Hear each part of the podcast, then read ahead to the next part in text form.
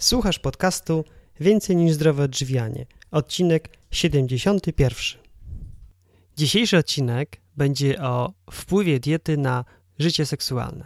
Ja się nazywam Michał Jaworski i w tych audycjach opowiadam o różnych aspektach zdrowego trybu życia. Jeżeli naprawdę zależy Ci na tym, czym karmisz swoje ciało i umysł, to te podcasty są właśnie dla Ciebie.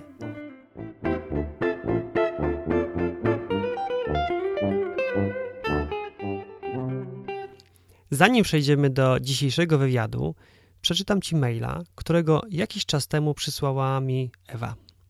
Posłuchaj. Witam Tatianę i Michała. Jestem studentką medycyny i bardzo lubię Wasze podcasty.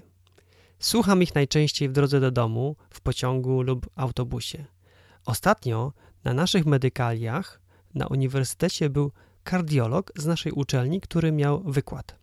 Zazwyczaj wykłady nawet na medykaliach są nudne i monotonne. Pan doktor Kałka jednak zaimponował nam wszystkim swoim wykładem. Rozmawiał o zupełnie nowej dziedzinie kardiologii, której jest pionierem o kardioseksuologii. Najpierw wszyscy się uśmiechali, ale pan doktor w świetny sposób wytłumaczył całą teorię ten, tej dziedziny. Chodzi o to, że w prąciu zachodzą te same zmiany miażdżycowe, które zachodzą w sercu. Dr Kałka opowiadał też, jak ważna jest dieta dla sprawności seksualnej. Najlepsze, że robił to wszystko w sposób zabawny, ale też medyczny. Uważam, że pan doktor byłby świetnym gościem dla waszych podcastów. Jest naprawdę ekspertem w swojej dziedzinie i robi to z pasją. Ewa, jeżeli tego słuchasz, to bardzo, bardzo Ci dziękuję za tego maila. Nie dość, że podsunęłaś mi świetny pomysł na podcast, to dodatkowo wiem, że naszych podcastów słuchają również to studenci medycyny, co cieszy mnie po stokroć. Z radą Ewy skontaktowałem się ze wspomnianym doktorem i razem nagraliśmy wspólnie podcast, który zaraz usłyszysz. To już za chwileczkę, jednak zanim do tego przejdziemy, podzielę się z Tobą swoją refleksją na temat tej rozmowy. Pamiętam, że byłem wtedy zdumiony faktem, iż problem zaburzeń erekcji dotyczy tak ogromnej części mężczyzn. W przedziale wiekowym 60-70 lat aż 52% mężczyzn, czyli częściej niż co drugi ma zaburzenia erekcji. U 40-latków, czyli panowie w sile wieku, jest tego troszkę mniej, ale i tak problem dotyczy te, też aż 39% panów. To są wyniki badań z 1994 roku, a patrząc na rosnącą tendencję, obecnie jest jeszcze gorzej. Co więcej, problemy z erekcją są pierwszymi symptomami, takim ostrzeżeniem tego, że w układzie sercowo-naczyniowym dzieje się coś niedobrego. Natura jest po prostu genialna. W ten bardzo dobitny i silny sposób nasz organizm mówi nam, że coś jest nie tak. Mówi nam, że jeżeli dalej będziemy tak postępować, to niebawem może się nam przytrafić to coś dużo gorszego, na przykład zawał serca. Słuchając tej zapowiedzi, możesz mieć wrażenie, że podcast jest głównie dla mężczyzn. Nic bardziej mylnego. Po pierwsze, zaburzenia erekcji, choć z przyczyn czysto fizycznych dotyczą tylko mężczyzn, to w praktyce dotykają również kobiet, które w, w takich związkach po prostu mają problem. Po drugie, ten wywiad składa się z dwóch bloków. W pierwszym co prawda skupiamy się na mechanizmie powstawania dysfunkcji seksualnych, natomiast w drugim bloku mówimy o profilaktyce. Profilaktyce bazującej przede wszystkim, podkreślam, przede wszystkim na zmianie diety, na jedzeniu produktów zapobiegających patologicznym zmianom naszego organizmu. I ta druga część jest szczególnie wartościowa, bo wiedza o mądrym, zdrowym odżywianiu jest bezcenna. Jest bezcenna dla każdego z nas. Moim dzisiejszym gościem jest Dariusz Kałka, doktor habilitowany, wykładowca Uniwersytetu Medycznego we Wrocławiu, ordynator Centrum Prewencji Rehabilitacji Kardiologicznej i kierownik jedynej we wszechświecie pracowni kardioseksuologii. Zapraszam do wysłuchania. Witam Cię, Darku, serdecznie. Ja również Cię witam. Dzień dobry. Przedstaw się proszę słuchaczom mojego podcastu. Dariusz Kałka, jestem lekarzem, kardiologiem, specjalistą chorób wewnętrznych i kardiologiem a oprócz tego specjalizuje się w kardioseksuologii. To, co na końcu powiedziałeś, to bardzo ciekawie brzmi. Przyznam się szczerze, że pierwszy raz się spotkałem z tym terminem. Jakbyś mógł rozwinąć, co się za tym kryje? Ja myślę, że wiele dziedzin nauki zostało podzielone w taki sztuczny bardzo sposób, a więc wydzielono poszczególne dziedziny medycyny, natomiast y, mamy szereg schorzeń, które leżą na pograniczu kilku specjalności medycznych. No i tu w przypadku kardioseksuologii taka jest, dokładnie taka sama występuje sytuacja, że y, mamy dysfunkcje seksualne, które mogą powstawać z wielu powodów. Może to być jakiś tam czynnik związany między innymi właśnie z jakimiś chorobami układu sercowo-naczyniowego. Może być to przyczyna jakaś tam neurologiczna, może być to przyczyna hormonalna. I ze względu na to, że widzimy wiele wspólnych elementów dla tych chorób układu sercowo-naczyniowego i dla zaburzeń erekcji, bądź też w przypadku pani jakichś innych seksualnych, dlatego powstała kardioseksuologia po to, żeby tymi pacjentami się opiekować w taki sposób bardzo konkretny, udzielić pomocy, to musimy E, korzystać z tak zwanej fuzji potencjałów. Musimy łączyć kilkanaście czasami umiejętności, które leżą w zakresie różnych specjalizacji. I tutaj w tym wypadku to są seksuolodzy, oczywiście urolodzy, to są endokrynolodzy, e, no i oczywiście kardiolodzy, czy też angioelodzy, czy też hypertensjolodzy, wszystko jedno, diabetolodzy oczywiście, także jak widać połączyliśmy to e, w jedną całość. E, te dysfunkcje seksualne szczególnie często występują u naszych pacjentów z chorobami układu sercowo-naczyniowego. Ci ludzie są szczególnie narażeni na utratę tego zdrowia seksualnego, zatem e, po to, żeby im to zdrowie przywrócić, zdobywać wiedzę z wielu obszarów. Rozumiem. Czy te dysfunkcje seksualne, które kryją się pod tym terminem kardioseksuologia, dotyczą zarówno mężczyzn, jak i kobiet? Tak dotyczą zarówno mężczyzn, jak i kobiet.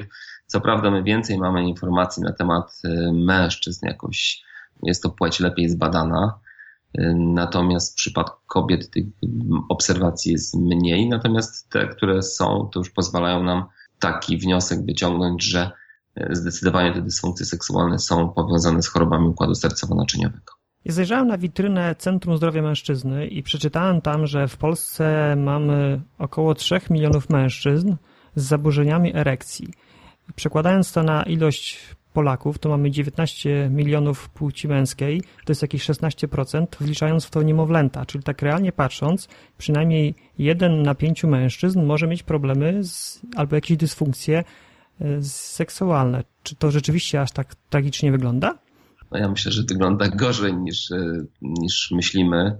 Zdecydowanie z tego względu, że mm, choroba sama, czy dysfunkcja, bo to nie jest choroba, to jest objaw chorób różnych tak naprawdę, ale objaw występuje u bardzo szerokiego e, odsetka mężczyzn, natomiast mm, jest co prawda lepiej, ale nadal wiele problemów zostaje za drzwiami alkowy, to znaczy mężczyźni niechętnie przyznają się do różnego rodzaju dysfunkcji. Jakbyśmy patrzyli na świat, jest takie badanie e, Massachusetts May Aging Study i tam włączono do tego badania 1709 mężczyzn w wieku od 40 do 70 lat pierwszym etapie ich diagnozowano właściwie taką grupę 1156 i wśród tych 1156 mężczyzn aż 52% miało zaburzenia erekcji.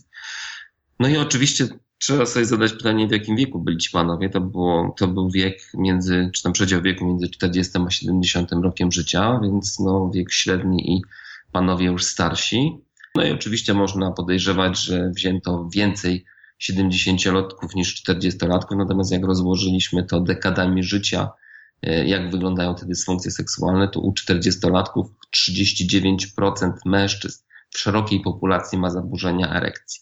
To był rok 1994, a jest taka symulacja i taka, która pokazuje, że między rokiem 95 a rokiem 2025 w skali całego świata zaburzenia erekcji zmienią swoją liczbę ze 152 milionów do 322 milionów, czyli w ciągu 30 lat będziemy mieli przyrost o ponad 100%. Także myślę, że w tej chwili ostatnie badania, jakie mamy na temat szerokiej populacji w Polsce, to pochodzą z 2005 roku.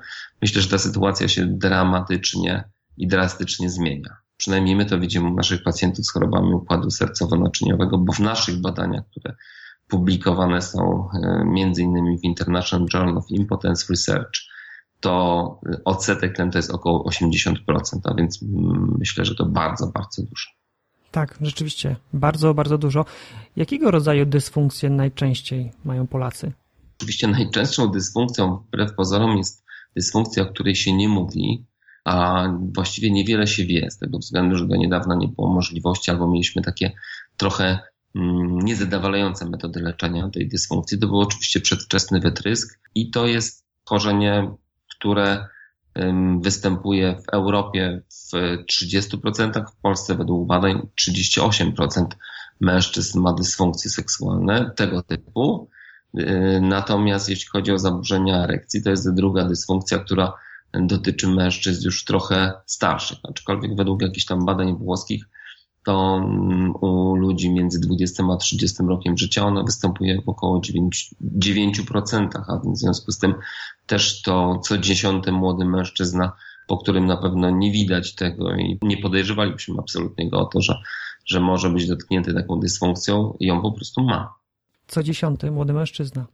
Co dziesiąty młody mężczyzna. No. Między 20 a 30 rokiem życia. Oczywiście to potem będzie narastało, tak jak narasta częstość występowania chorób układu sercowo-naczyniowego, to jeżeli mówimy, że te choroby mają wspólne tło, a jakie to e, pewnie sobie ustalimy, e, no to oczywiście im kiedyś jak przywożono do szpitala 40-latka z zawałem mięśnia sercowego, to wszyscy e, szli zobaczyć jakiego młodego pacjenta przywieziono z zawałem. W tej chwili jak przyjeżdża dwudziestokilkulatek, nic się nie dziwi, po prostu płacimy cenę, e, złą cenę taką, albo, albo cenę za złe oblicza rozwoju. Tak, zaraz do tego dojdziemy, ale zanim to jeszcze chciałbym dopytać, to jest taki temat, który, tak jak wspomniałeś, często zostaje za drzwiami, dysfunkcje seksualne.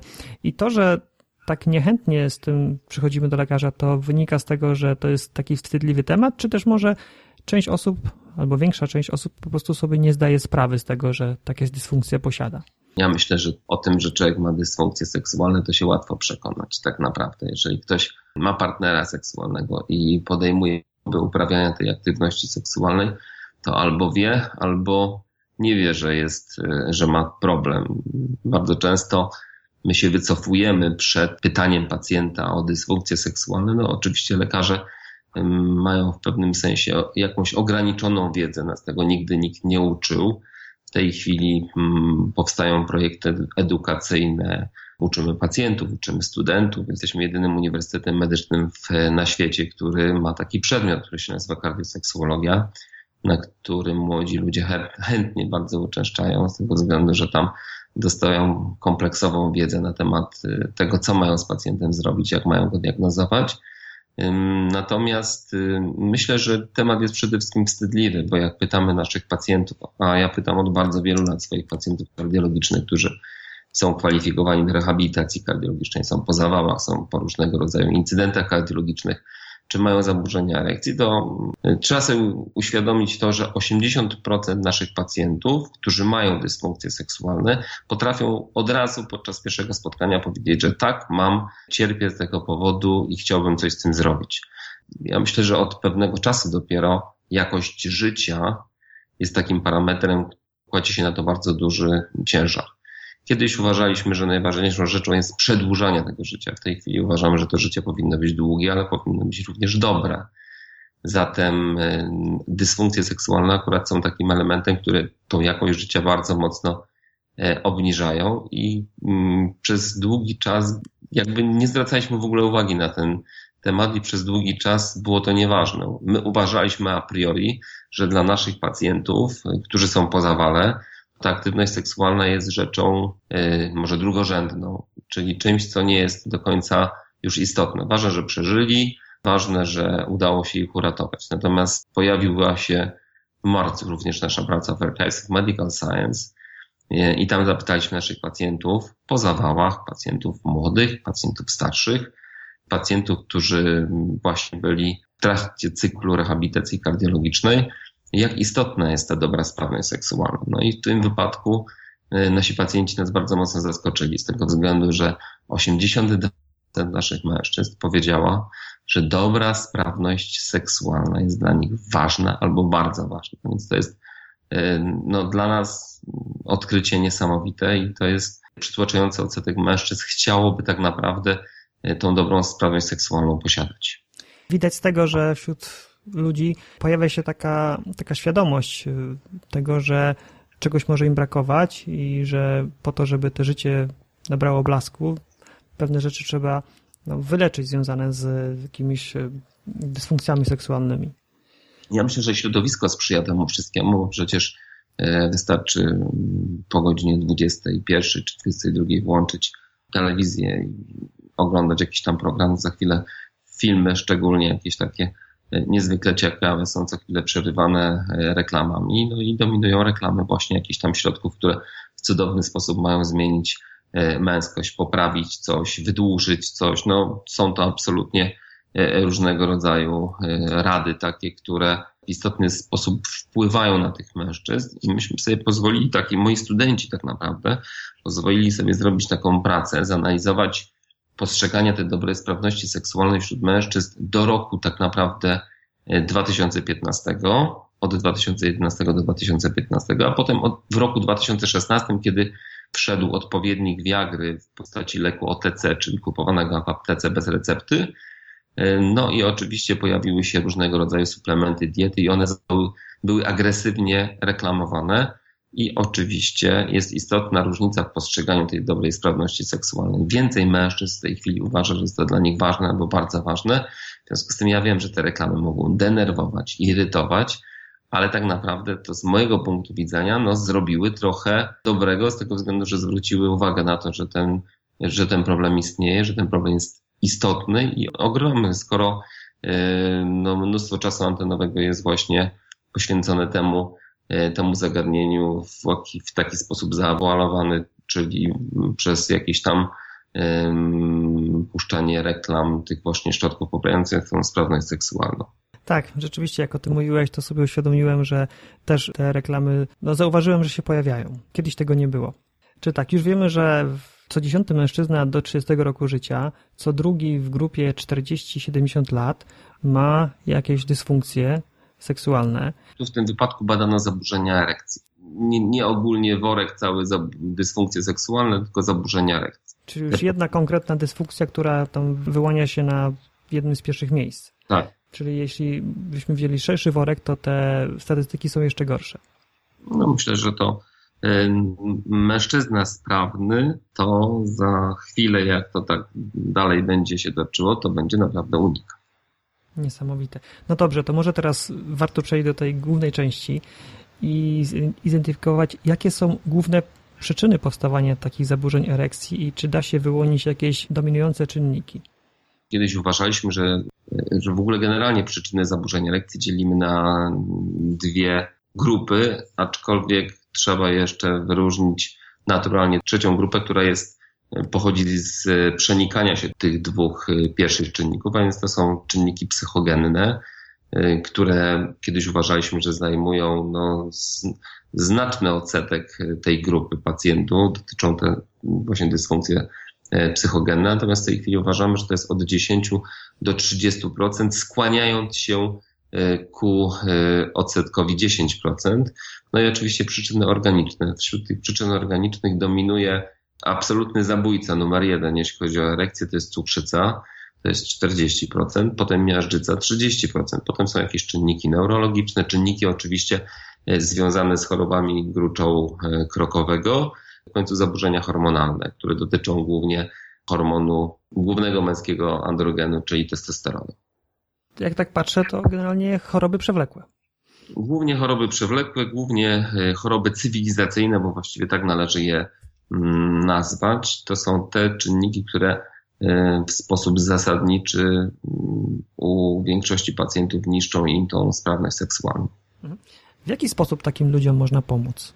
Na pewno najtańszą metodą byłoby e, zapobiegać tym chorobom, ale tak samo to się odbywa w przypadku chorób układu sercowo-naczyniowego.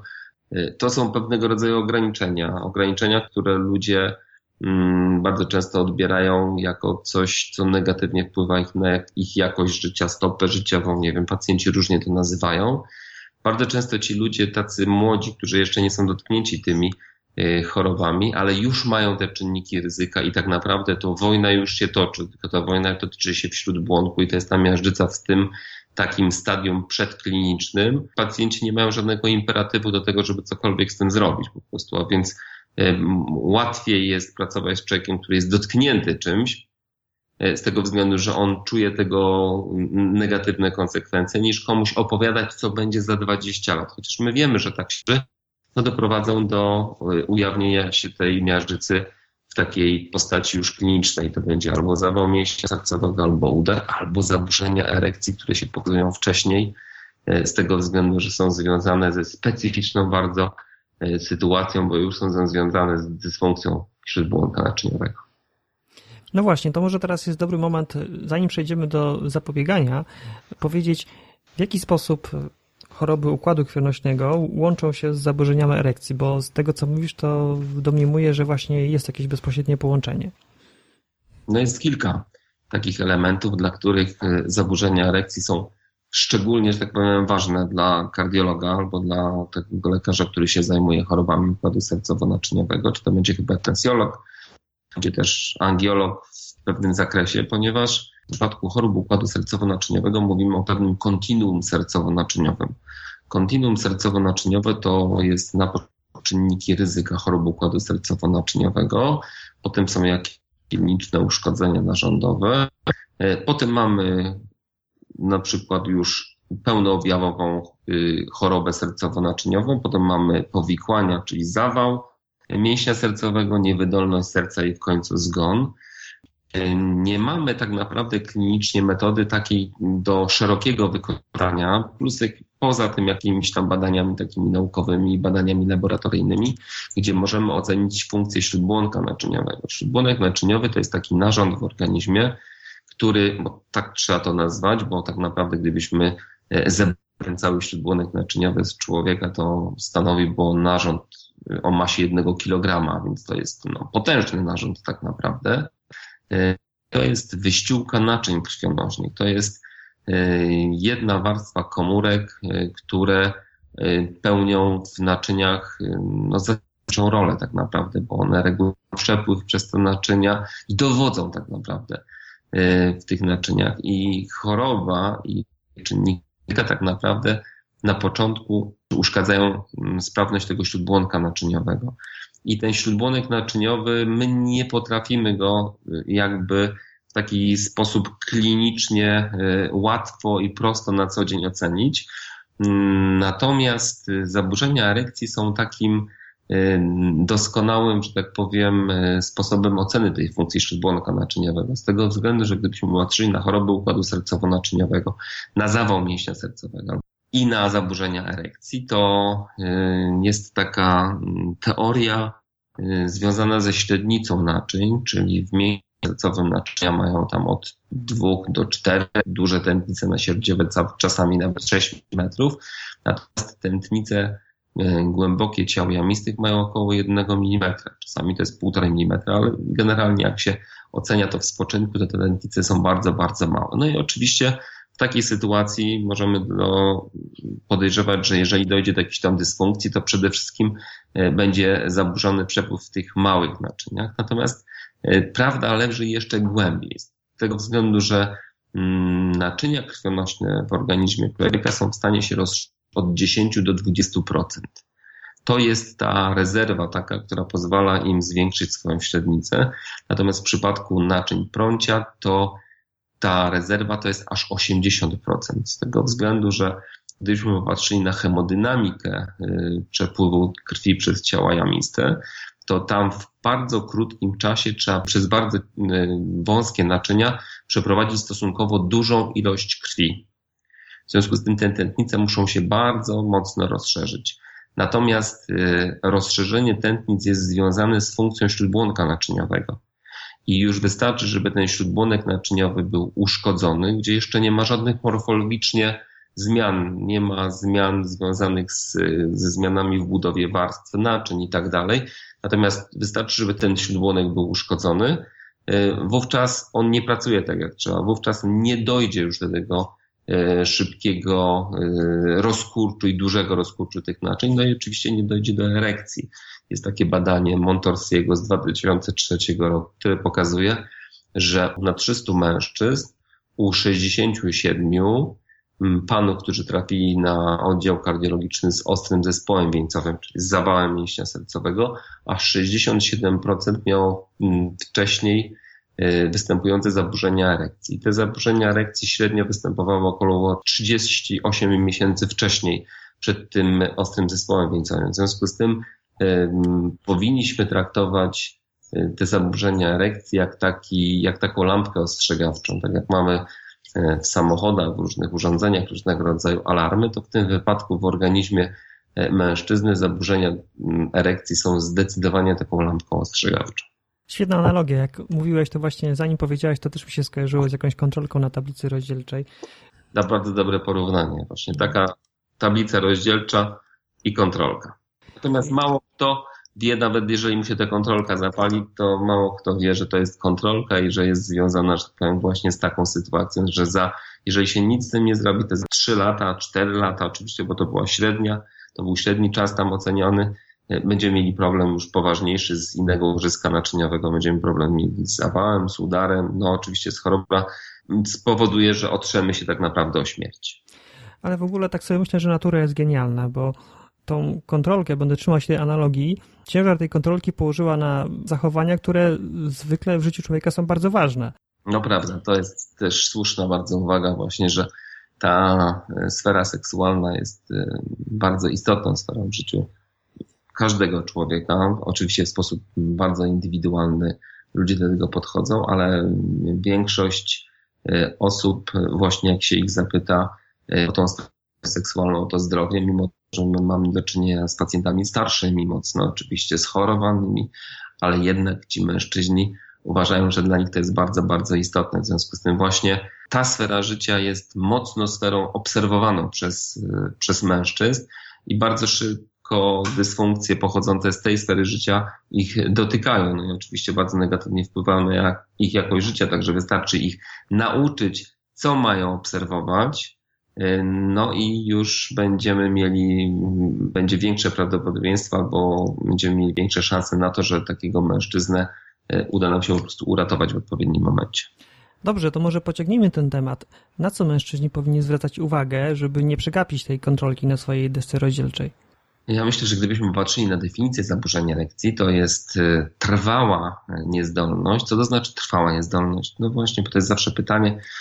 Czasami przychodzi mężczyzna, który mówi, panie doktorze, ja od y, dwóch czy od trzech tygodni mam problemy z erekcją. A więc ja mu zawsze mówię, no to w takim razie spotykam się za dwa i pół miesiąca i wtedy będziemy się zastanawiali, co z tym tak naprawdę można zrobić. Oczywiście w tej chwili możemy usiąść popatrzeć na to, czy nie trzeba leczyć odpowiednio cukrzycy, czy nie trzeba zmienić coś w lekach przeciw nadciśnieniu tętniczemu, czy nie trzeba zmobilizować pana do tego, żeby rzucił palenie tytoniu, ale tak naprawdę, żeby rozpoznać zaburzenia erekcji, to one muszą trwać minimum 3 miesiące. Taka jest definicja. I to jest oczywiście pogorszenie e, sprawności erekcyjnej, bądź też drugi człon definicji polega na tym, że mężczyzna ma tą erekcję początkowo, ale ona jest bardzo krótkotrwała. Kończy się tuż przed penetracją, bądź też, tak powiem, zaraz po penetracji. Nie pozwala oczywiście temu mężczyźnie doprowadzić tej aktywności seksualnej do zadowalającego końca. I w tym momencie powinna nam się zapalić lampka, że coś dzieje się nie tak, przede wszystkim w tej sferze seksualnej, ale jeżeli nic z tym nie zrobimy, to na przykład za 3 lata możemy mieć problemy poważne z układem sercowo-naczyniowym. No i tu duże jest prawdopodobieństwo, jakbyśmy patrzyli na to badanie motorskiego, to 67% mężczyzn było. Ja również czasami kwalifikując pacjenta do rehabilitacji kardiologicznej, szczególnie młodych mężczyzn, pytam go, e, no jak się historia jego przedstawiała przed tym zawałem. Mówi, nie chorował, miał dobrą tolerancję wysiłku, pracował fizycznie, nosił jakieś tam ciężary i nagle bez jakiegokolwiek ostrzeżenia doszło do incydentu silnego bólu w klatce piersiowej, został zawieziony przez zespół ERDO na izbę przyjęć szpitala, na SOR, no i okazało się, że ma pełno e, ścienny zawał mięśnia sercowego. W tej chwili dzięki strategii wczesnego leczenia tych zawałów mięśnia sercowego tych pacjentów udaje nam się uratować E, przynajmniej częściowo przed niewydolnością serca, a ja go pytam, a jak wyglądała pana męska sprawność? A on mówi, że on bardzo przeprasza, ale to chyba nie ma związku. Ja mówię, to ja panu powiem, czy ma związek, czy nie. Natomiast pan mi odpowie najpierw. On mówi, no, od tam 8, 9, 10 miesięcy było gorzej. Podejmowali z żoną różnego rodzaju próby, kupował sobie jakieś tam suplementy diety w aptece, zastanawiali się nawet do jakiego lekarza mają pójść, natomiast niestety, ale nie zdążyli. Zaburzenia erekcji były. Rozumiem. Widać już wyraźne połączenie między zaburzeniami erekcji a problemami układu sercowo-naczyniowego. To może teraz przejdźmy do tego, co powiedziałeś wcześniej, że dużo łatwiej niż leczyć jest zapobiegać takiej sytuacji. W jaki sposób zapobiegać chorobom układu sercowo-naczyniowego, no i w konsekwencji też e, zapobiegać dysfunkcjom seksualnym? No ja myślę, że w tym wypadku to absolutnie e, mamy do czynienia z taką sytuacją, kiedy w stanie upiec dwie pieczenie przy jednym ogniu, czyli z jednej strony e, zabezpieczamy się przed wystąpieniem chorób układu sercowo-naczyniowego, a z drugiej strony oczywiście zabezpieczamy swoją dobrą sprawność seksualną. Dobrze, to jak się za, za to zabrać? No trzeba sobie zadać pytanie, z jakimi czynnikami, modyfikowalnymi czynnikami ryzyka mamy do czynienia. No głównie oczywiście to jest palenie tytoniu, to są zaburzenia lipidowe, czyli podwyższone stężenie cholesterolu i trójglicerydu. To jest oczywiście cukrzyca, straszna choroba, która jest chorobą śmiertelną, która jest bardzo często bagatelizowana przez pacjentów, kiedy przychodzą i mówią, że oni mają taką delikatną cukrzycę. No bardzo często opierają tą wiedzę na tym, że mają badany cukier y, nacho i on nie jest często bardzo wysoki. Natomiast trzeba sobie uświadomić, że te glikemie, czy te stężenia cukru, które są po posiłku, to są absolutnie szalone. To są stężenia, które tam E, w organizmie człowieka dokonują e, olbrzymich strat. No, wiąże się to z olbrzymimi uszkodzeniami białek enzymatycznych i, i wielu innych e, struktur mm, tego organizmu. To są jeszcze takie czynniki jak nadciśnienie tętnicze. Nadciśnienie tętnicze to jest takim ciekawym bardzo czynnikiem z tego względu, że z jednej strony samo nadciśnienie tętnicze uszkadza naczynia i prowadzi do dysfunkcji seksualnych, natomiast bardzo często z kolei leczenie hypotensyjne, czyli to leczenie, które my dajemy pacjentom, y, samo wtórnie powoduje y, obniżenie tej sprawności seksualnej. No i tu jest to istotne, żeby mężczyznom, z mężczyzn z jednej strony pytać o tę o tę sytuację związaną z naciśnieniem tętniczym, ale też trzeba ich uprzedzać z tego względu, że mężczyzna, który nie otrzyma informacji, czy to się może pojawić, to pierwszą rzeczą, którą odstawi, to będą leki oczywiście. No, naciśnienie tętnicze dalej będzie pustoszyło te naczynia i dalej będzie prowadziło do e, uszkodzenia całego organizmu. Mm, kolejnym czynnikiem to jest oczywiście bardzo istotnym jest e, zbyt niskie natężenie prozdrowotnej aktywności e, ruchowej. Ta aktywność jest immanentnie związana z naszym życiem. Natomiast rozwój cywilizacji niestety doprowadził do tego, że jest przez nas regularnie E, ograniczana i to coraz bardziej i to właśnie to ograniczenie uważamy, że to jest związane z komfortem życia, bo jak się pojawia jakaś nowa galeria, gdzie są same schody ruchome, to wszyscy mówią, no proszę bardzo, jakie to wszystko piękne jest i nowoczesne, natomiast e, no to działa na nas po prostu w zwykły sposób e, zgubnie. No i oczywiście taki czynnik bardzo istotny to otyłość, otyłość, nadwaga, choroba, epidemia, dżuma, nie wiem jak to nazywać, ale jest to zdecydowanie choroba, z którą e, przegrywamy i myślę, że będziemy przegrywali z tego względu, że niewiele jest osób, które zdają sobie z tego e, sprawę, że mm, nadwaga i otyłość to tak naprawdę choroba. Tak sobie zapisałem te czynniki, które powodują problemy z układem sercowo-naczyniowym. To więc palenie tytoniu wydaje się proste, w sensie, no bo to jest albo palimy, albo nie palimy.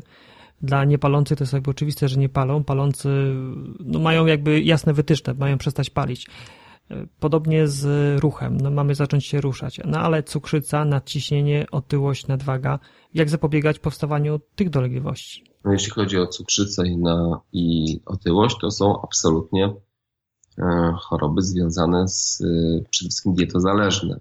Myślę, że łyżka i widelec to jest najstraszniejsza broń i najwięcej ludzi zginęło właśnie z powodu posiadania łyżki i widelca i nieumiejętnego korzystania z tej łyżki i z tego widelca. I to jest y, istotne, żebyśmy mieli świadomość, co jemy. Może inaczej, jak powinniśmy jeść i w jaki sposób powinniśmy jeść, jak często, mm, jak te pokarmy powinny być skomponowane. No i żebyśmy byli w stanie skorzystać, że tak powiem, z tych wszystkich dobrodziejstw, natomiast żebyśmy unikali tych wszystkich pokus związanych z rozwojem cywilizacji, a więc różnego rodzaju pokarmów takich gotowych, których tak naprawdę nie wiadomo co tam jest. Tam jest mnóstwo chemii, tam jest mnóstwo substancji konserwujących, to wszystko będzie negatywnie wpływało z jednej strony będą to bardzo często pokarmy mm, o bardzo wysokiej gęstości kalorycznej. E, tak naprawdę kobieta, która nie prowadzi zbyt aktywnego trybu życia, wymaga wydatnych, zresztą jest jest to jej życie związane z wydatkiem kalorycznym rzędu 1800 kilokalorii, a mężczyzna około 2000 kilokalorii. A gdybyśmy patrzyli na te pokarmy już gotowe, to ta gęstość energetyczna to takich przynajmniej 800-900 kilokalorii potrafi się zmieścić w bardzo małym kubku. Natomiast dostępność e, tej żywności, to, że ona jest na półkach, to, że ona jest kolorowa, piękna, smaczna, bo jest bardzo często tłusta, a tłuszcz jest doskonałym nośnikiem smaku, no to powoduje, że ludzie chętnie po to Y, sięgają. I ten nadatek kaloryczny no po prostu jest w zwykły sposób y, odkładany. I tu w tym wypadku dochodzi do rozwinięcia się otyłości. No oczywiście otyłość jest bardzo mocno związana z cukrzycą, jest jej głównym czynnikiem ryzyka. W otyłości dochodzi do insulinooporności, y, a insulinooporność powoduje, że nasza trzustka produkuje tą insulinę, produkuje, no i mimo tego, że mamy tej insuliny bardzo dużo, przynajmniej w pewnej fazie, no to nasze komórki nie chcą współpracować z tą e, insuliną, no i kończy się to oczywiście zbyt wysokim stężeniem cukru we krwi, e, no i różnego rodzaju właśnie nieszczęściami, powikłaniami cukrzycy jest mikroangiopatia, makroangiopatia, neuropatia, więc mnóstwo różnego rodzaju niekorzystnych zjawisk, które prowadzą do powstania i chorób układu sercowo-naczyniowego i zaburzenia. Ja to jeszcze jeden czynnik y, widzę odnośnie tej diety, bo tak ładnie opisałeś te produkty gotowe, które mają wysoką gęstość energetyczną w kontekście białko, cukier i tłuszcz, czyli makroelementy, natomiast one z kolei mają niską gęstość związaną z mikroelementami. Wtłaczamy do siebie dużo kalorii, a jednocześnie tych mikroelementów tam jest niewiele. No oczywiście to jest kwestia właśnie jakichś tam niekorzystnych zachowań. Część tych mikroelementów y, tak czy tak powinniśmy dostarczać w postaci jakby jakiejś tam suplementacji, natomiast no też trzeba mieć świadomość tego, że trzeba to robić. A jeśli chodzi o te pokarmy właśnie gotowe, no to trzeba pamiętać też o substancjach konserwujących, których bardzo często jest sód, a sód jest z kolei czynnikiem ryzyka naciśnienia tętniczego. W związku z tym, gdybyśmy popatrzyli na mm, badania naszej populacji, no to około 3% dorosłej populacji ma naciśnienie tętnicze, a następny odsetek bardzo mm, duży pacjentów będzie miał nadciśnienie z tego względu, że są ci wszyscy pacjenci, którzy mają ciśnienie tętnicze między 130, skurczowe ciśnienie tętnicze między 130 a 140 mm subartenci. To są kandydaci do rozwinięcia się nadciśnienia tętniczego. Amerykanie mówią na to pre-hypertension. U nas mówi się, że to jest ciśnienie wysokie prawidłowe. E, no i oczywiście, jeżeli ci pacjenci będą dostarczali do swojego organizmu zbyt dużą ilość sodu, dodatkowo będą powodowali albo ich styl życia będzie sprzyjał podjęciu się innych czynników ryzyka, no to oczywiście z czasem dojdzie do tego, że to naciśnienie tętnicze się rozwinie. To już wiemy, że unikamy produktów gotowych, bo one mają bardzo dużo kalorii, a jednocześnie czasem braki w mikroelementach. Dodatkowo mają dużo sodu. Wszystko to może powodować nadciśnienie, cukrzycę, otyłość. No ale jeżeli rezygnujemy z tych produktów gotowych, to co w zamian? Jak powinna wyglądać dieta osoby, która dba o swoją przyszłość i nie chce mieć choroby na przykład związanej z układem sercowo-naczyniowym, cukrzycy lub otyłości? Jak taka dieta powinna wyglądać? Ja myślę, że mamy coś takiego mm, jak y, dieta śródziemnomorska. Ja wiem, że mm, to jest bardzo często dieta wymagająca większego zaangażowania i poświęcenia przygotowaniu swoich posiłków trochę większego czasu to wymaga, ale taką dietą faktycznie, która zabezpiecza nas bardzo dobrze przed chorobami układu sercowo-naczyniowego, co y, stwierdzono już w latach 50. Y, i to był y, dr Ansel Case. W latach 50. on badał dietę mieszkańców krajów basenu Morza Śródziemnego. Oczywiście to była dieta, która była charakterystyczna dla lat 50., bo w tej chwili ona też uległa e, pewnym modyfikacjom. Tam też ten postęp cywilizacyjny doprowadził do różnego rodzaju niekorzystnych zmian. Ale gdybyśmy patrzyli na tą, na piramidę diety śródziemnomorskiej, to oczywiście to, co jest tam pięknego, to to, że u podstawy tej piramidy jest aktywność fizyczna. Aktywność fizyczna, która jest y, i powinna być absolutnie y, czynnikiem numer jeden y, naszego funkcjonowania codziennego i to nie powinna być tylko aktywność poświęcana uprawianiu jakiegoś sportu, fitnessu, ale powinniśmy wykorzystywać różnego rodzaju momenty do tej aktywności, więc jak pracujemy w jakimś biurowcu, gdzie są dwa, trzy, cztery piętra, no to nie korzystajmy z windy, tylko przejdźmy się po schodach. Jeżeli jedziemy do supermarketu zrobić jakieś tam zakupy, to stańmy troszeczkę dalej i wykorzystajmy ten moment, żeby się przespacerować. Jeżeli mamy chwilę czasu, jest piękna pogoda, to wysiądźmy z tramwaju jeden przystanek wcześniej przed domem i też przespacerujmy się. Korzystajmy i szukajmy każdego, e, każdej sposobności do tego, żeby uprawiać tą aktywność fizyczną, z tego względu, że ona jest naprawdę niezwykle istotna dla dobrego funkcjonowania i naszych naczyń krwionośnych w sercu i oczywiście naszych naczyń krwionośnych, które e, decydują o naszej sprawności seksualnej. Na następnym piętrze tak naprawdę są warzywa i owoce i tutaj e, mówimy, że jeśli chodzi o warzywa, to możemy spożywać e, bez ograniczeń, natomiast w przypadku owoców, ze względu na to, że zawierają cukier, no musimy podlegać już pewnym rygorom. Tak naprawdę układamy to w ten sposób, że ma trzy jednostki warzyw, przypada jednostka owoców. Y, owoce, y, najlepiej jeżeli to są jakieś tam owoce sezonowe, które nie są konserwowane, które y, nie muszą być przewiezione z, z, daleka i nie muszą być nasączane różnymi substancjami chemicznymi, no bo to niestety nie wszystko się rozkłada i potem ten organizm ma problem z usunięciem różnego rodzaju substancji. I oczywiście należy pamiętać, że te owoce należy spożywać przede wszystkim rano i do południa. No różne szkoły tutaj są. Niektórzy mówią, że do 14 godziny, niektórzy mówią do 16 godziny, z tego względu, że e, w owocach jest fruktoza, no a po południu ten organizm, czy tam wieczorem nie daje już sobie tak dobrze rady z tą fruktozą i ona e, służy temu organizmowi do wytworzenia zapasów tak naprawdę, czyli kwasów tłuszczowych i to wszystko tak naprawdę powoduje, że z tego co uważam, że to jest bardzo zdrowe, no okazuje się, że to jest działanie tak naprawdę niekorzystne dla, e, dla naszego zdrowia. E, dalej, gdybyśmy się poruszali w stronę szczytu tej piramidy, to mamy oczywiście e, pieczywo. No i tu w tym wypadku oczywiście powinno być to pieczywo pełnoziarniste, mm, najlepiej jeżeli to jest pieczywo żytnie, jeżeli to jest pieczywo gryczane, owsiane.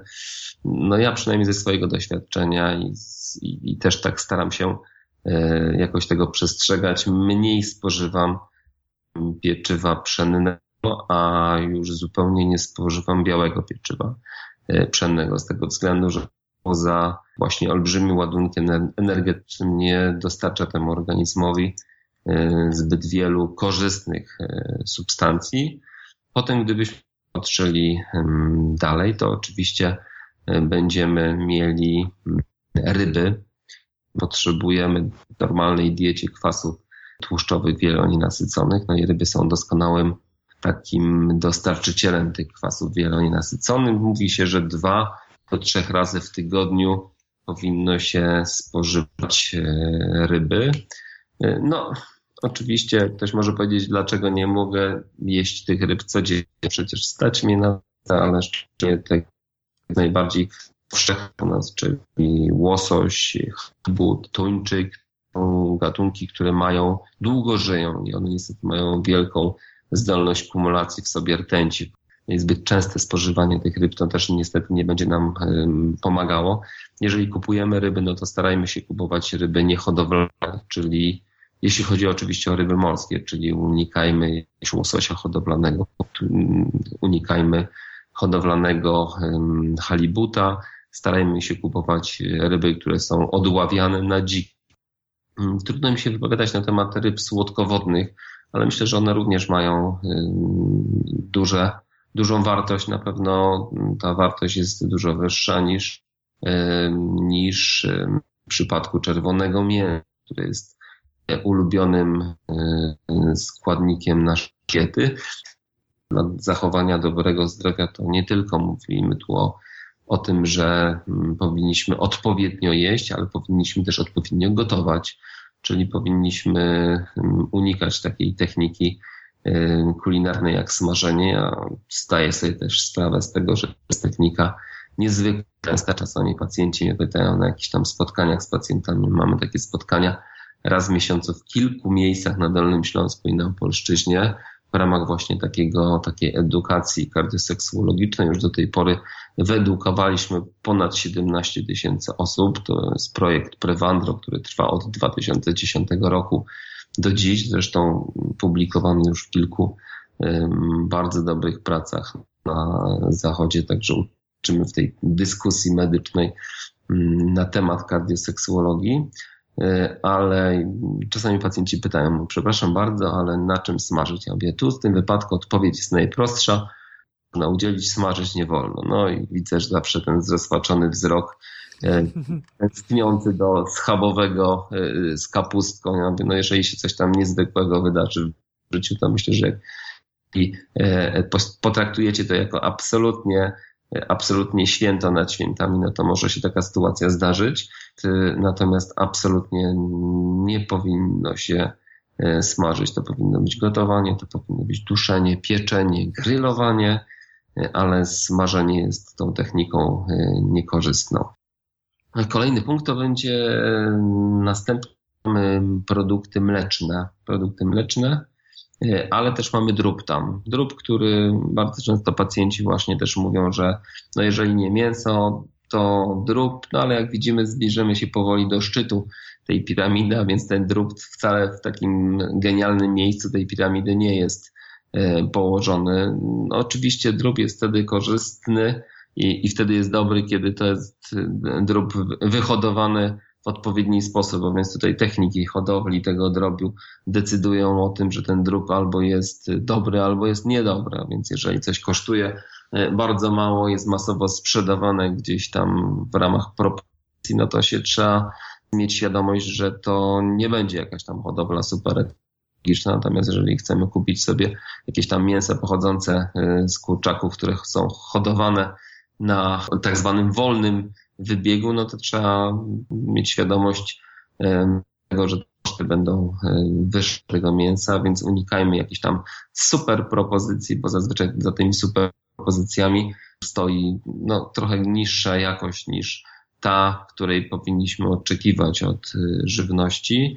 No i w tym wypadku mamy kurczaki, mamy indyki, mamy kaczki, mamy gęsi. Co kto lubi, to można wykorzystywać, powiem, w takiej kuchni codziennej. Natomiast y, trzeba pamiętać, że pewne ograniczenia my stosujemy do spożywania jaj. No i tutaj pewnie się naraża wielu osobom, bo y, patrząc na stanowiska takie y, towarzystw naukowych, to my mówimy, że każdy zdrowy człowiek może zjeść jedno jajko dziennie, natomiast jeżeli ma jakieś zaburzenia lipidowe, to może spożyć trzy jajka w tygodniu.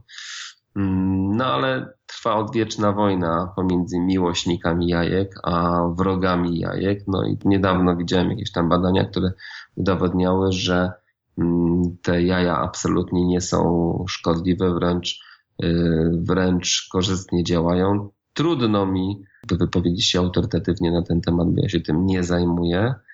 Mm, natomiast myślę, że spożywanie tego jednego jajka, jeżeli jest odpowiednio przygotowany jeszcze, ponieważ trzeba pamiętać, że w jajach są substancje, które są niezwykle korzystne, ale będą tak długo, jak długo tego nie ugotujemy na kolor zielony. W związku z tym takie twarde jajka, którymi można komuś zrobić krzywdę, no to nie jest najlepszy pomysł, żeby takie rzeczy jeść. Także jajka najlepiej, gdyby były ugotowane e, na miękko. Jak ktoś nie wie, jak się gotuje jajka na miękko, to ja podam taki swój przepis że do wrzątku, czyli wody, które się gotuje, wkłada się jajko i gotuje się to 5 minut. Potem trzeba to wyjąć i ono na pewno będzie miękkie. na 100%. Natomiast usmażenie jajka czy ugotowanie tego jajka na twardo no już spowoduje, że to jajko będzie, no niestety, ale miało dużo mniej korzystnych substancji e, niż e, oczekujemy. A jakie jest Twoje zdanie na temat produktów mlecznych? Bo w produktach mlecznych szczególnie kazeina jest takim e, dyskusyjnym składnikiem. Chodzi o to, że duża część osób, duża część populacji nie jest w stanie jej poprawnie strawić. Ja myślę, że tam jest i laktoza, i kazeina, także w związku z tym ja nie mam zdania na temat mleka, albo nie mam takiego sprecyzowanego. Sam nie używam z tego względu, że nie toleruje laktozy. Są pacjenci, którzy zadziwiają je i przychodzą i mówią, że oni piją mleko litrami i im to mleko nie szkodzi. Natomiast są tacy, którzy bardzo często nie tolerują tego mleka, więc trzeba ludzi dorosłych szczególnie ostrzec, że jeżeli występują jakiekolwiek objawy gastryczne i te objawy występują po spożywaniu produktów mlecznych, właśnie szczególnie pochodzących z mleka słodkiego, bo mleko właśnie robi się z niego sery i jak z niego robi się potem sery, te, które są dłużej przetwarzane, to bardzo często już tak nie działa na ludzi. Natomiast jeżeli tolerują mleka słodkiego, to powinni po prostu go unikać. Mleko y, jest produktem dyskusyjnym, natomiast w każdym sklepie spożywczym są olbrzymie półki z mlekiem i jak popatrzymy na wózki, to bardzo wielu ludzi, gros pewnie osób e, wyjeżdża ze sklepu dzierżąc butelkę jedną, dwie karton właśnie mleka, czyli jest pewnego rodzaju e, przyzwyczajenie w e, naszej populacji, przynajmniej do spożywania mleka. To był, który przez wiele lat był dostępny, mimo tego, że innych nie było, ale ten był zawsze dostępny i myślę, że się bardzo mocno zakorzenił e, w naszej świadomości. Rozumiem. To już zbliżamy się do czubka piramidy. Co nam zostało jeszcze? Na czubku piramidy mamy czerwone mięso. No i tu oczywiście wszyscy powiedzą, no tak, wieprzowina niezdrowa, ale wołowina zdrowa. Tutaj jest czerwone mięso, czyli czerwone mięso bez względu na to, z jakiego zwierzęcia będzie to mięso pochodziło, powinno być gościem na naszym stole, absolutnie, czyli powinno być dostępne kilka razy w miesiącu, co najwyżej. E, I to oczywiście to nie są dni, kiedy powinno być dostępne, tylko to powinno być kilka posiłków, czyli kolację, śniadanie e, i obiad będziemy e, liczyli jako taki posiłek i to mięso powinno być stosunkowo jednak rzadko dostępne i rzadko spożywane. Opisałeś piramidę, która jest charakterystyczna dla diety śródziemnomorskiej, diety, która ma przeciwdziałać chorobom cywilizacyjnym typu cukrzyca, nadciśnienie, nadwaga, tym, które z kolei mogą się przełożyć na choroby układu sercowo-naczyniowego. Czy jeżeli patrzymy przez pryzmat profilaktyki, to oprócz y, tej piramidy, która dokładnie definiuje, co można jeść, czy jeszcze są jakieś elementy, na które należy zwrócić uwagę, aby przeciwdziałać powstawaniu tych chorób? Z boku piramidy jest butelka wina. No oczywiście jest woda również, woda, która powinna być spożywana e, regularnie. Nie powinniśmy zasuszać swojego organizmu z tego względu, że woda jest nam potrzebna do normalnego funkcjonowania. Woda jest potrzebna do termoregulacji, woda jest potrzebna do prawidłowej pracy nerek, w związku z tym powinniśmy wypijać 2 do 2,5 litra dziennie wody, najlepiej we wszystkich pokarmach oczywiście, a więc to trzeba się zastanowić, co ktoś je i ta woda, która jest y, y, wodą y, w strukturze pokarmów powinna być uzupełniona poprzez wodę dostarczaną w postaci na przykład wody mineralnej, niegazowanej, w postaci jakichś tam soków z warzyw, czy sok z owoców może być jednym z pięciu posiłków, które są zalecane. No ale jest też wino, jest alkohol tak naprawdę, nie wino, bo gdybyśmy patrzyli na wina, to przez długi czas obserwowaliśmy mm, i badaliśmy takie zjawiska, które były związane z niższą zapadalnością w krajach, w których tradycyjnie spożywa się wino do posiłków, szczególnie do posiłków, w stosunku do krajów, gdzie takich zachowań nie ma. To jest ten tak zwany francuski paradoks, y, zjawisko francuskiego paradoksu, czyli w basenie Morza Śródziemnego, mimo tego, że pacjenci mają jakby podobne modyfikowalne czynniki e, ryzyka, podobne natężenie w stosunku do tych krajów takich jak e, Szkocja i kraje skandynawskie, to okazuje się, że e, oni rzadziej chorują na chorobę niedokrwienną serca, no i wiązano to właśnie z tym regularnym spożywaniem wina w niewielkich ilościach. Oczywiście tu ktoś może powiedzieć, no ale zaraz, ale co z tą dietą śródziemnomorską? No oczywiście to jest również diety śródziemnomorskiej. Jest nawet taka e, prowincja Nuor na Sardynii, gdzie ludzie nie mówią do siebie dzień dobry, tylko mówią do siebie akentanos, czyli 100 lat życia. I tam jest najwyższy odsetek stulatków e, w Europie. Tam i w prowincji Gers, chyba w południowej Francji. Czyli no ktoś może powiedzieć, no tak, ale to jest Sardynia, więc ryby oni wcale nie jedzą e, dużych ilości ryb, bo ta prowincja Nuoro jest wysoko w górach, więc oni do tego wybrzeża mają kawałek, a więc odżywiają się bardzo podobnie do tego, jak u nas większość osób się odżywia, czyli jedzą ziemniaki i jedzą e, kozinę. No ta kozina, może ktoś powiedzieć, pewnie jest zdrowsza od wieprzowiny, no ale jeżeli nawet to niewiele. To dalej jest czerwone mięso, które gdybyśmy patrzyli na tą piramidę, to ona powinna być na samym szczycie. Natomiast oni regularnie spożywają niewielkie dawki e, alkoholu. Jakie to są niewielkie dawki alkoholu? Oni piją wino o bardzo wysokiej zawartości polifenoli, resveratrolu. E, wino e, się nazywa kanonu bodajże. I to wino charakteryzuje właśnie bardzo duża ilość polifenoli. Te polifenole uważa się, że one pełnią ochronną funkcję dla śródbłonka naczyniowego, są wymiataczami wolnych rodników tlenowych i tak dalej, i tak więc będą zabezpieczały te osoby przed e, chorobami układu e, sercowo-naczyniowego. No, my w tej chwili uważamy, że to nie tylko wino ma takie e, korzystny wpływ. Ja tu nie namawiam, broń Boże, nikogo do picia, bo to się okazuje, okaże, że koledzy psychiatrzy mi tu pogrożą, że namawiam społeczeństwo do picia, a potem to jest cienka czerwona E, linia no i różnego rodzaju nieszczęścia związane z uzależnieniami, ale gdybyśmy patrzyli na zalecenia europejskie dotyczące chorób układu sercowo-naczyniowego, to w ramach profilaktyki e, chorób układu sercowo-naczyniowego powinno się spożywać albo można spożywać e, alkohol etylowy, bo tutaj w tej chwili mm, jakby wskazuje się na takie korzystne działanie przede wszystkim alkoholu etylowego, bo to właśnie on tak dobrze działa. Jeśli chodzi o mężczyzn, to oni mogą spożywać do 20 gramów czystego etanolu, a kobiety do 10 gramów czystego etanolu. No ktoś może powiedzieć, ile to jest. Amerykanie uważają, że w jednym dobrym drinku jest 12 gramów etanolu. W związku z tym mężczyzna dwa drinki, to troszeczkę będzie przekroczona ta granica, a kobiety jeden drink. I to jest taka dawka, która powinna nam pomóc zabezpieczyć się przez chorobę układu sercowo-naczyniowego. Oczywiście, żeby nie było wątpliwości, nie można hodować i pielęgnować tych pozostałych czynników typu wielki brzuch, cukrzyca i tak dalej, i tak dalej i tylko powiedzieć, no dodatkowo tak naprawdę to ja będę to sobie wszystko kompensował poprzez spożywanie niewielkich dawek alkoholu z tego względu, że to tak niestety nie działa. Natomiast w ramach profilaktyki to jest dopuszczalna ilość e, alkoholu, który według obserwacji dużych będzie korzystnie działał na naszą e, sprawność i na funkcjonowanie naszego organizmu, funkcjonowanie naszych naczyń krwionośnych.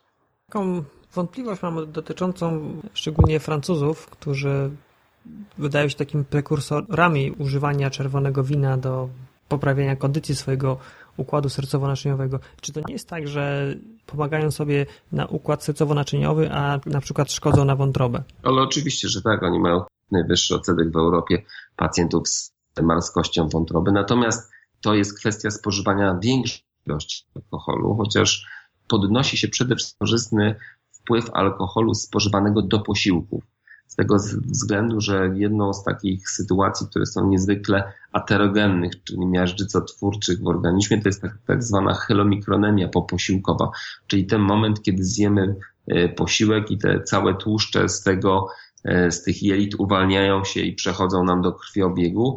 I w tym wypadku alkohol etylowy ma zapobiegać powstawaniu e, utlenionych form, choćby cholesterolu w związku z tym jakby to jest to korzystne działanie tego e, alkoholu. Natomiast no oczywiście to rodzi na pewno pokusy, jeżeli jeden kieliszek mogę wypić, to dlaczego nie dwa, jeżeli nie dwa, to trzy, no i to będzie sprzyjało różnego rodzaju patologiom i ze strony układu pokarmowego, jeśli chodzi oczywiście o, o marskość wątroby, ale też oczywiście będzie wpływało niekorzystnie na patologię ze strony centralnego układu nerwowego. Trzeba pamiętać, że że im wyższa dawka spożywanego alkoholu, tym wyższe jest ryzyko oczywiście udaru mózgu.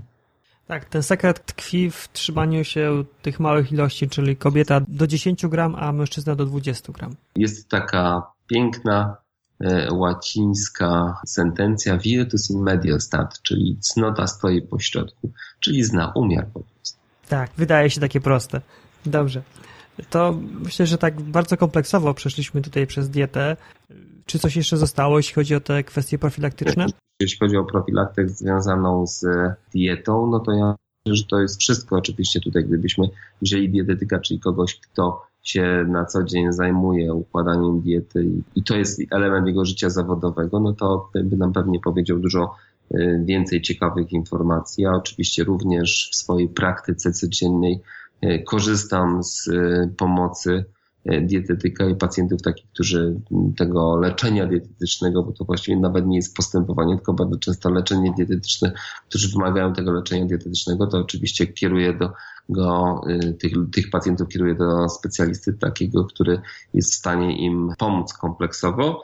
No tacy specjaliści to już wiedzą, co mogą dać y, danemu człowiekowi, co mogą, patrząc na jego wyniki, ja opisuję to wszystko, jakby kwalifikuję go od strony medycznej, natomiast potem dietetyk już y, układa mu odpowiednio y, jadłospis po to, żeby te wszystkie zaburzenia spróbować eliminować. No jeżeli oczywiście pacjent pozwoli sobie pomóc. Dobrze. Zbliżamy się powolutku do, do końca naszej rozmowy. W tej rozmowie, przynajmniej w tej pierwszej części, duży nacisk położyliśmy na zaburzenia erekcji. Też się pojawił termin tej kontrolki ostrzegawczej, czyli w to, jeżeli są zaburzenia erekcji, to może się okazywać, że na przykład za 3 lata nabawimy się problemów z układem sercowo-naczyniowym.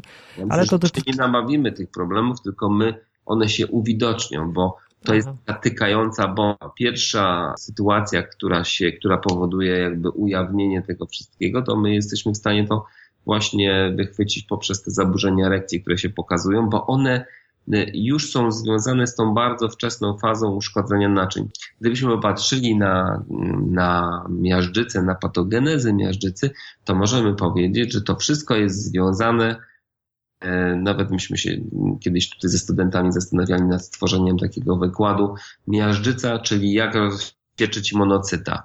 Czyli mamy takie komórki, które pod wpływem różnego rodzaju bodźców szokowych takich dla nich, czyli wyższa, wysoka glikemia, jakieś tam wolne rodniki tlenowe związane z paleniem tytoniu, wolne rodniki tlenowe związane z hiperlipidemią, mm, postanawiają opuścić nasze wnętrze naszego naczynia krwionośnego, przechodzą pod tą warstwę śród E, błonkową, no i tam zaczynają tworzyć e, blaszki miażdżycowe. Jest kilka etapów tego tworzenia, jest niezwykle skomplikowany, ale tak naprawdę to pierwszym e, elementem, tak naprawdę takim primum movens, możemy powiedzieć, miażdżycy czy aterotrombozy, bo to nie tylko miażdżyca, ale też wszystkie procesy związane z zakrzepicą, czyli, czyli z dodatkowo powstawaniem różnego rodzaju krzeplin na tych zmianach miażdżycowych, to jest między innymi właśnie mechanizmem udaru mózgu, czy niedokrwiennego udaru mózgu, czy zawału mięśnia sercowego. To jest właśnie ta dysfunkcja śródbłonka naczyniowego. Tam jak to się zacznie ta wyściółka psuć,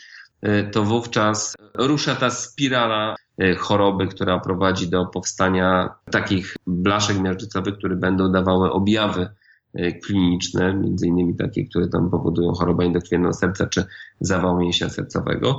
No i oczywiście, a tu w tym wypadku mamy najwcześniejszy objaw e, z możliwych, który jest ściśle związany właśnie z tą dysfunkcją tego śródbłonka, to są zaburzenia erekcji. Te zaburzenia erekcji występują na długi czas przed tym, zanim to się tak naprawdę te naczynia duże Y, popsują i zanim te zmiany miażdżycowe dosięgną do tych właśnie naczyń takich bardzo istotnych i ważnych dla życia.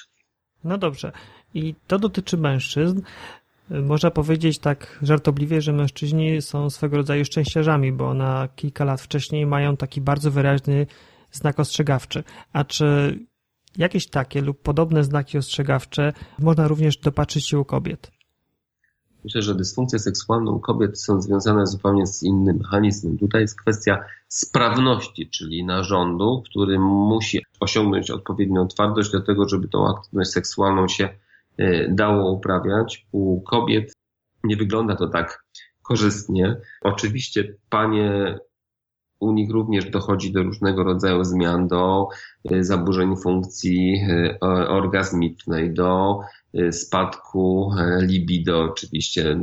Dochodzi do różnego rodzaju zespołów takich bólowych związanych z prowadzeniem aktywności seksualnej.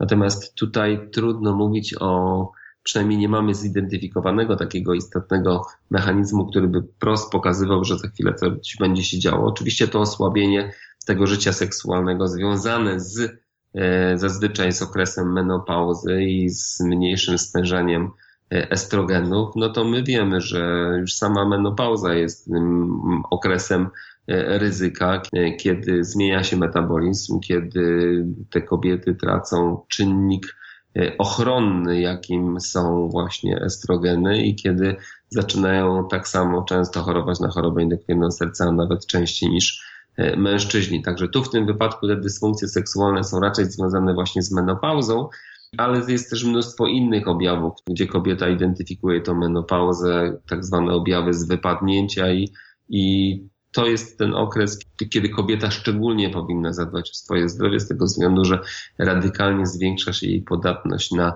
e, różnego rodzaju choroby, w tym innymi choroby układu sercowo-naczyniowego. Także tu ten mechanizm wprost nie działa, Natomiast zasada jest, że tak powiem, podobna.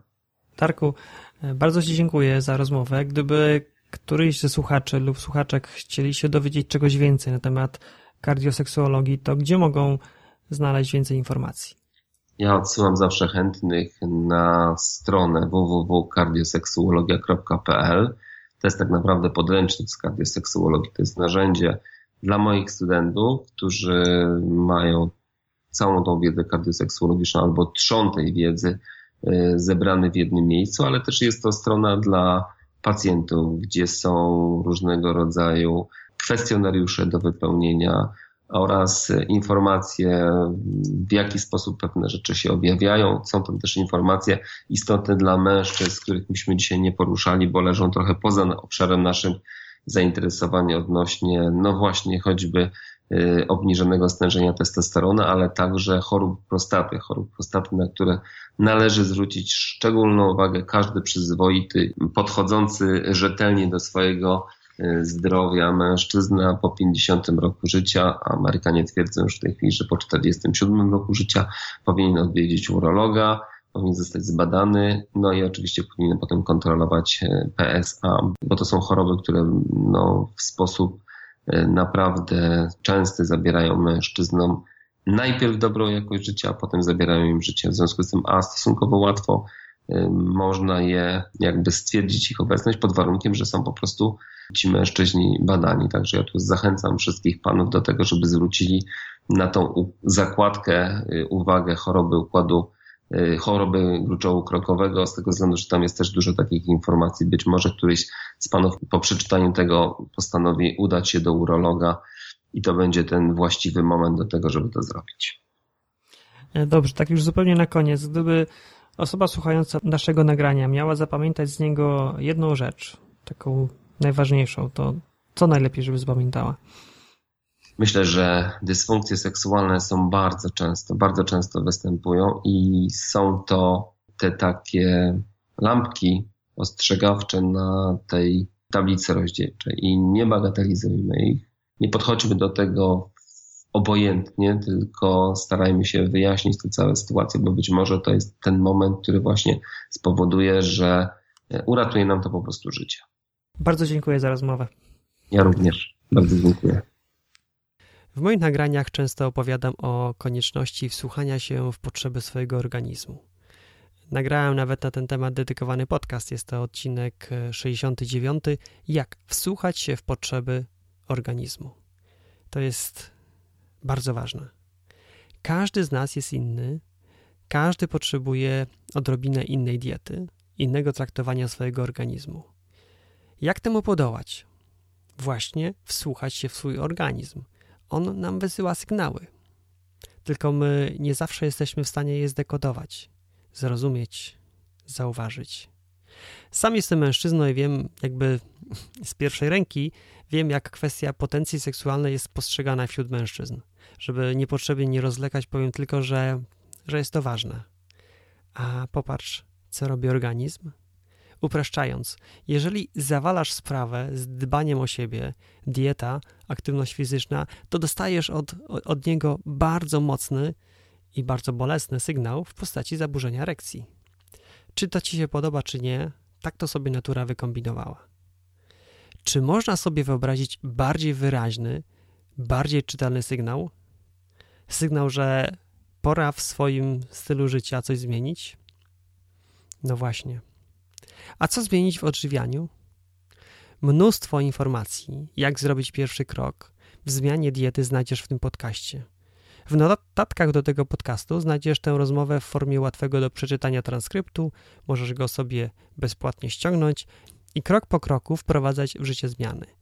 Zmiany, które zaproponował mój dzisiejszy gość.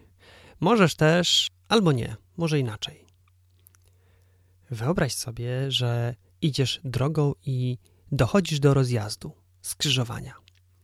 Droga prowadząca w lewo jest kręta i wyboista, poprzecinana prostymi jak struny fortepianowe kolejnami. W każdym wgłębieniu jest woda, a pod nią kleiste błoto, które spowalnia marsz śmiałków, którzy nie podążają. Co gorzej, choć trudno to sobie w dzisiejszych czasach wyobrazić, na tej drodze, wyobraź sobie, że na tej drodze nie ma nawet zasięgu telefonii komórkowej. Jak w ciemną i wieczną noc na niej utkniesz lub zabłądzisz, to nie masz nawet jak wezwać pomocy. To po prostu skandal, tak to ujmę. Natomiast po prawej stronie jest droga gładka i prosta jak autostrada, oświetlona i dobrze oznaczona, aby nie było wątpliwości, czy podążasz we właściwym kierunku. Zasięg też tam jest, a do tego nawet co kilkaset metrów są telefony, dzięki którym w razie wątpliwości możesz wezwać pomoc. Którą drogę wybierasz? Droga po lewej może być analogią tego, jak do tej pory wygląda Twoje wprowadzanie zdrowego odżywiania. Niby znasz kierunek, ale stawiając kolejne kroki, nie czujesz się pewnie. Zmagasz się z natłokiem sprzecznych informacji, niesmacznych i skomplikowanych przepisów, krytyki znajomych i zniechęcenia w rodzinie. Podejmujesz kolejne próby, ale robiąc jeden krok do przodu, za chwilę utykasz w miejscu albo nawet cofasz się do tyłu. Na szczęście, na szczęście też jest inna droga. Droga, którą przeszło już wiele osób, które z sukcesem odmieniły swój sposób odżywiania. Droga dobrze oznaczona, podzielona na proste do pokonania odcinki, których pokonanie natychmiast daje ci konkretne efekty. Droga, na której w każdej chwili możesz zapytać osobę, która już tę drogę przeszła. Którą drogę wybierasz? Jeżeli już masz dość zmagania się z wybojami na Twojej drodze do zdrowego odżywiania, to mam dla Ciebie coś, co może Cię zainteresować.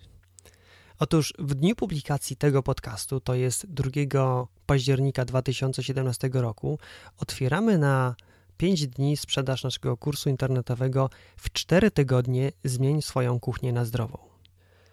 Znajdziesz w przetestowany przez nas i sprawdzony w boju przez innych kursantów program, który w 4 tygodnie przeniesie Twoje odżywianie, odżywianie Twojej rodziny na zupełnie inny poziom. Po przejściu tego kursu już nie będziesz się zastanawiać, co jutro przygotować na obiad, śniadanie, kolację.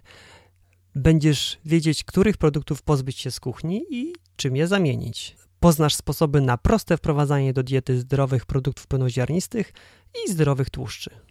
Po tym kursie nie będziesz już się obawiać strączków, będziesz wiedzieć, jak je przygotować, aby były smaczne i lekkostrawne. Będzie też oczywiście o zdrowych słodyczach. Każda lekcja tego kursu składa się z filmu wideo, który wprowadza w tematykę i w prosty sposób wyjaśnia, jak w praktyce wykorzystać nowo nabytą wiedzę w Twojej kuchni. Do tego w każdej lekcji jest przepis, dzięki temu od razu możesz nabytą wiedzę przećwiczyć. Oczywiście w lekcjach będzie też o motywacji i o sprytnym zachęcaniu domowników do wdrażania zdrowego odżywiania. Wszystko jest ułożone w przejrzysty sposób, aby krok po kroku, z lekcji na lekcję, wprowadzać Ciebie i Twoją rodzinę w zdrowe odżywianie. Sprzedaż kursu będzie trwała tylko 5 dni.